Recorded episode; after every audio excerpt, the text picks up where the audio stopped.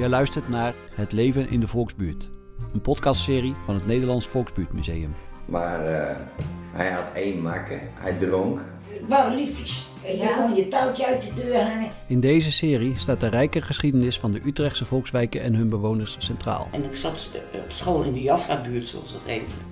En nu ging ik naar Ogenhal en dat was, eh, ja, dat was Juf van Herten. Meer dan 100 volksbuurtbewoners zijn geïnterviewd over hoe het leven vroeger was. En die nonnetjes die wilden mijn haar eraf scheren, kan je je voorstellen. In deze serie hoor je fragmenten van die interviews. Volksbuurtbewoners delen hun herinneringen, Dat als je ruzie had met een sterrenwijker, had je eigenlijk met iedereen ruzie. leren ons lessen Ja, dat, dat je zeg maar dingen doet die jou liggen. en vertellen verhalen over het leven in de volksbuurt.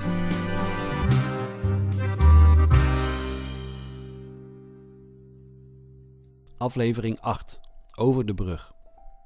In dit interview hoor je Maria van het Volksbuurtmuseum in gesprek met Betty Hettinga. Betty vertelt over de verwachtingen die haar moeder had en hoe het was om naar school te gaan in een andere buurt. Dit is Maria Drewes. Het is vandaag 14 mei. En ik ga praten met. Betty Hettinga.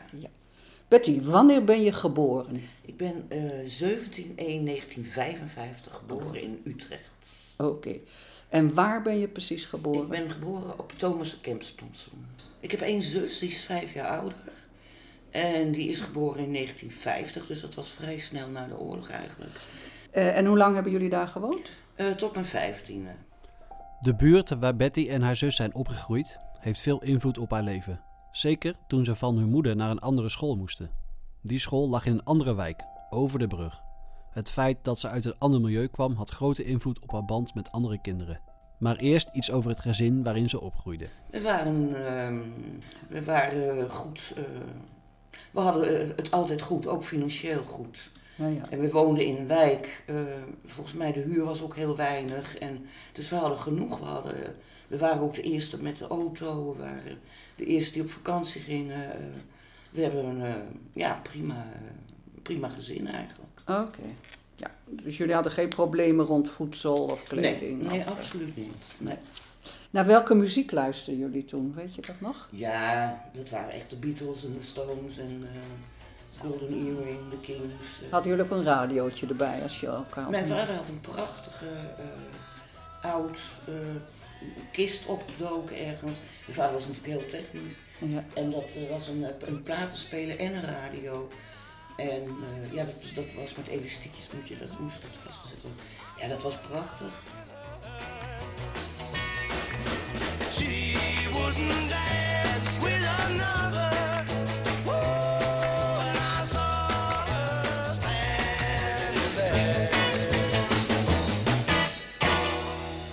Zou je de sfeer, zou je zeggen, streng of vrij? Of, eh, Nee, wel vrij. Maar mijn moeder had wel een beetje. eh, eh, was, was toch wel iets meer dan de gemiddelde vrouw, huisvrouw. En dat vond ze zelf ook heel erg dat ze dat was. Ze, ze stond altijd net ergens boven. Zo, zo reageerde ze ook op de, op de omgeving. Ja, ja.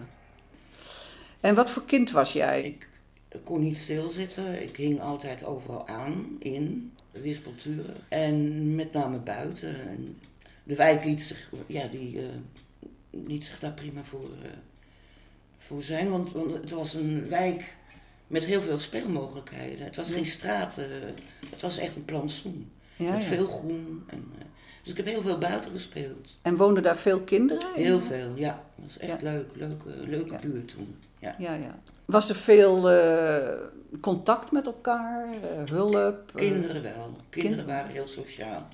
Ouders ook, maar daar deed mijn moeder nooit aan mee, want die stond daar boven toch. Op Oh. de een of andere manier. Ja. Ja. ja. Maar mochten kinderen wel bij jullie thuis komen spelen? Nee, liever niet. Nee, Echt niet? nee. Mijn moeder heeft het altijd afgehouden. We konden naar buiten. En, en ik zat altijd bij andere vriendjes. En die hadden ook veel meer kinderen. Mijn zus was vijf jaar ouder. Oh ja. En daar had ik niet veel mee. En, en dat was ook een stille Willem die de hele dag binnen zat bij mijn moeder. En dat vonden zij met z'n tweeën prima. Dus als ik daar binnenkwam met een invasie kinderen. We hadden ook maar twee slaapkamers boven. Dus Ja, ja. ja. Op school merkte Betty dat ze anders was dan andere kinderen. Ik ging op de Vleutersweg naar school. Dat was een openbare school. En dat is eh, de school naast de, naast de christelijke school. En ehm, ja, dat was een, een, eh, een, eh, een F-school, zeg maar. Een, een, eh, toen de tijd, een onderwijs- en o- opbouwwerk in bijzondere situaties, zo'n school. Eh, de kinderen werden ontluist, ik niet, maar eh, er werd, kinderen kregen ook eten.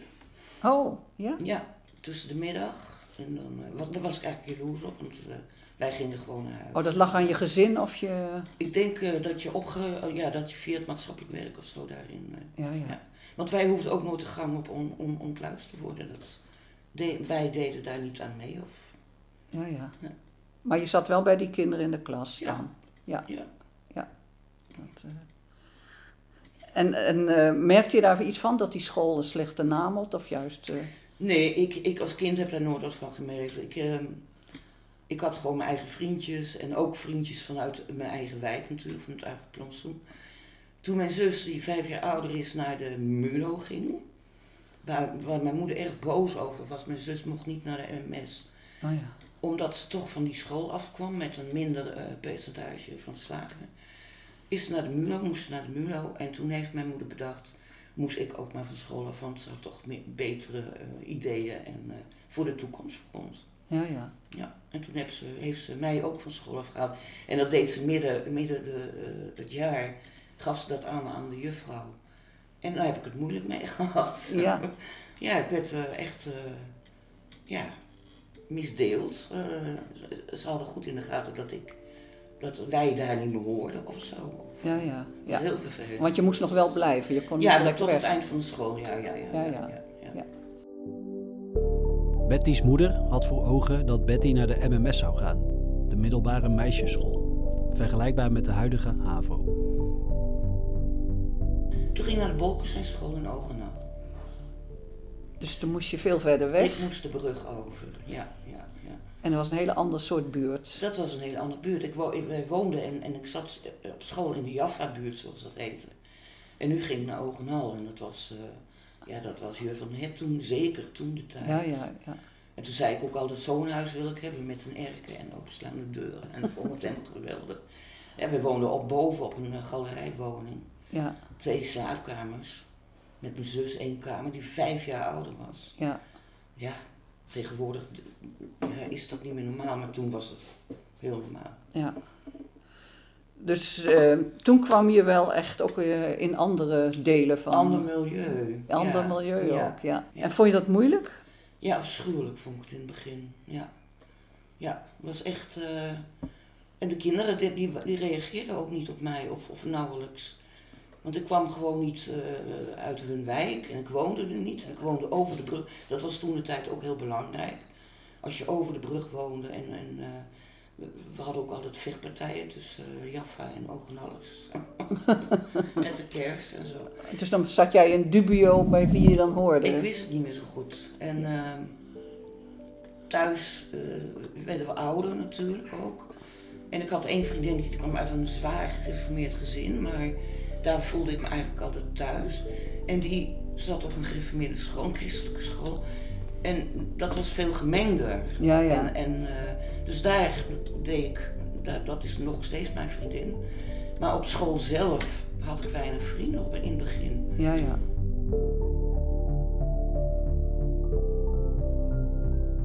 En je moest eh, naast je stoel gaan staan als je de meester aansprak. En eh, ik, ik had eh, mijn vingers altijd helemaal kapot. En dat, daar werd ook constant op gereageerd.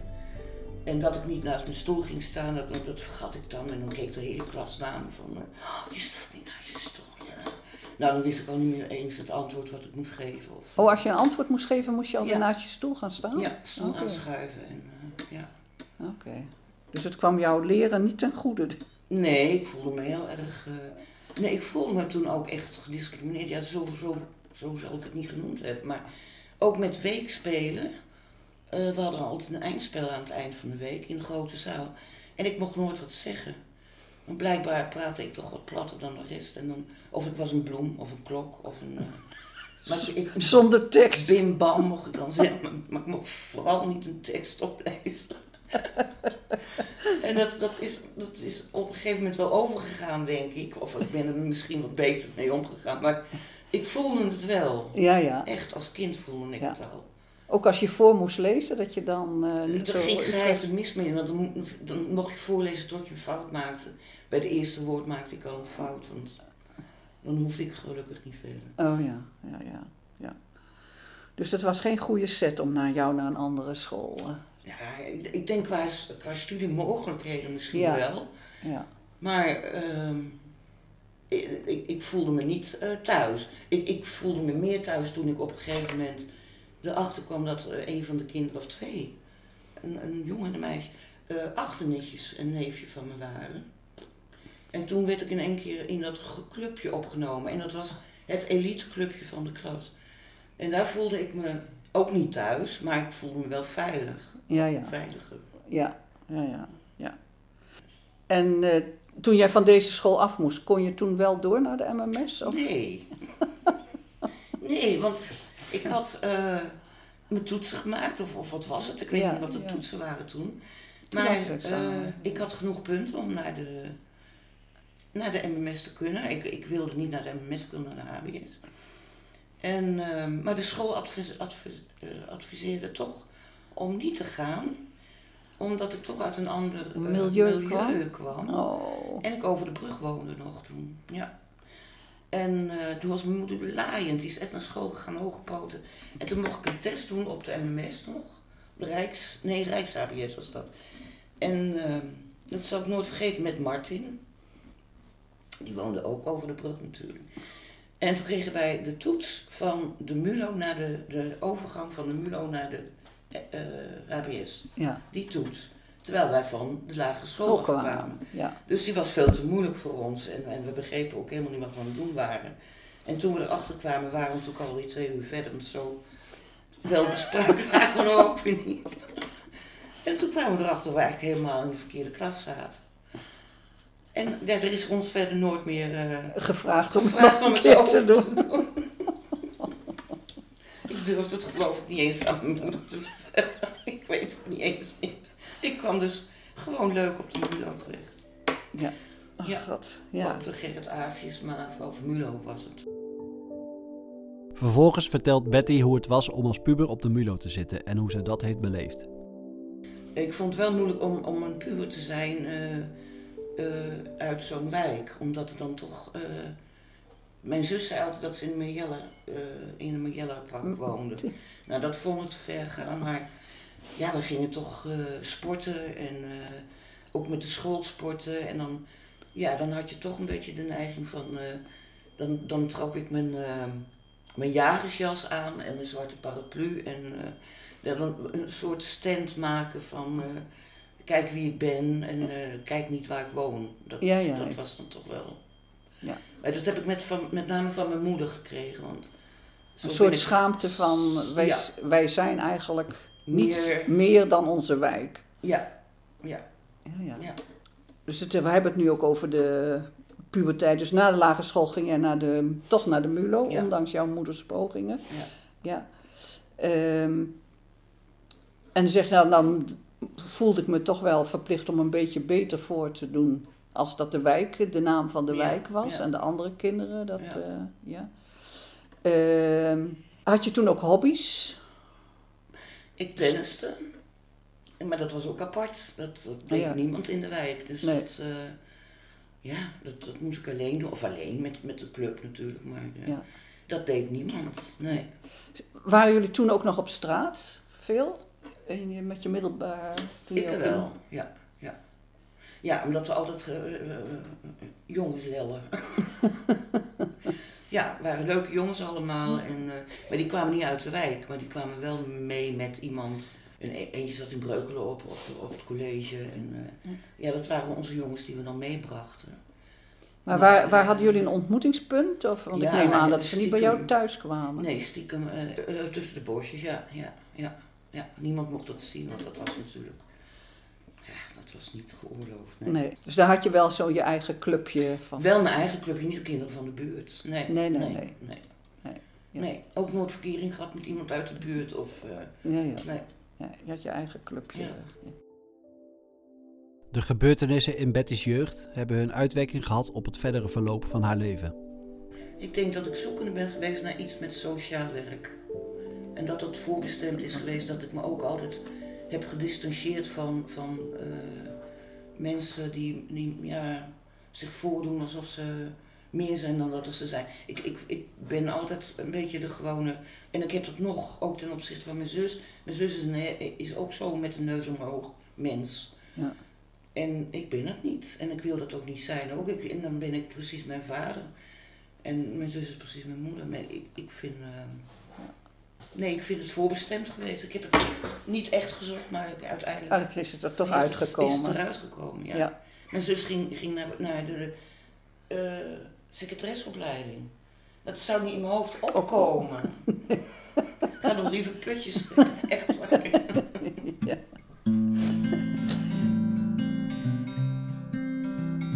Tot slot laat Betty haar licht schijnen over twee filosofische stellingen van Thomas Hobbes en Rutger Bregman. De mens is een wolf voor zijn medemens.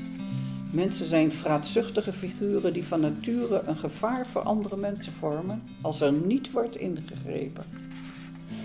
De mens is een wolf in schaapskleur, toch? Ja, maar ook hier zegt het. Ja, dat is ook één, ja. Ehm, de mens moet, de mens is een arrogant wezen.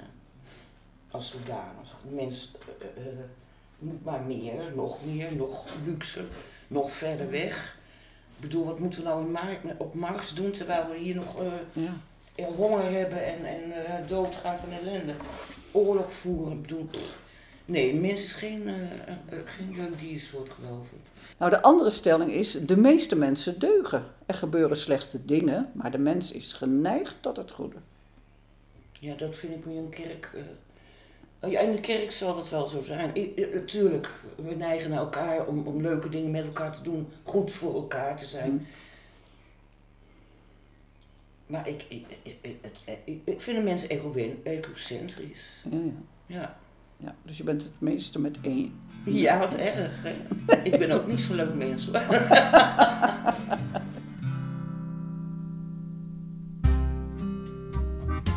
Je hoorde Maria Dreves in gesprek met Betty Hettinga. Dit was de laatste aflevering van Het Leven in de Volksbuurt. Ik ben hier met Lisette Jansen, directeur van het Nederlands Volksbuurtmuseum. En zij vertelt over de achtergrond van het project Het Leven in de Volksbuurt.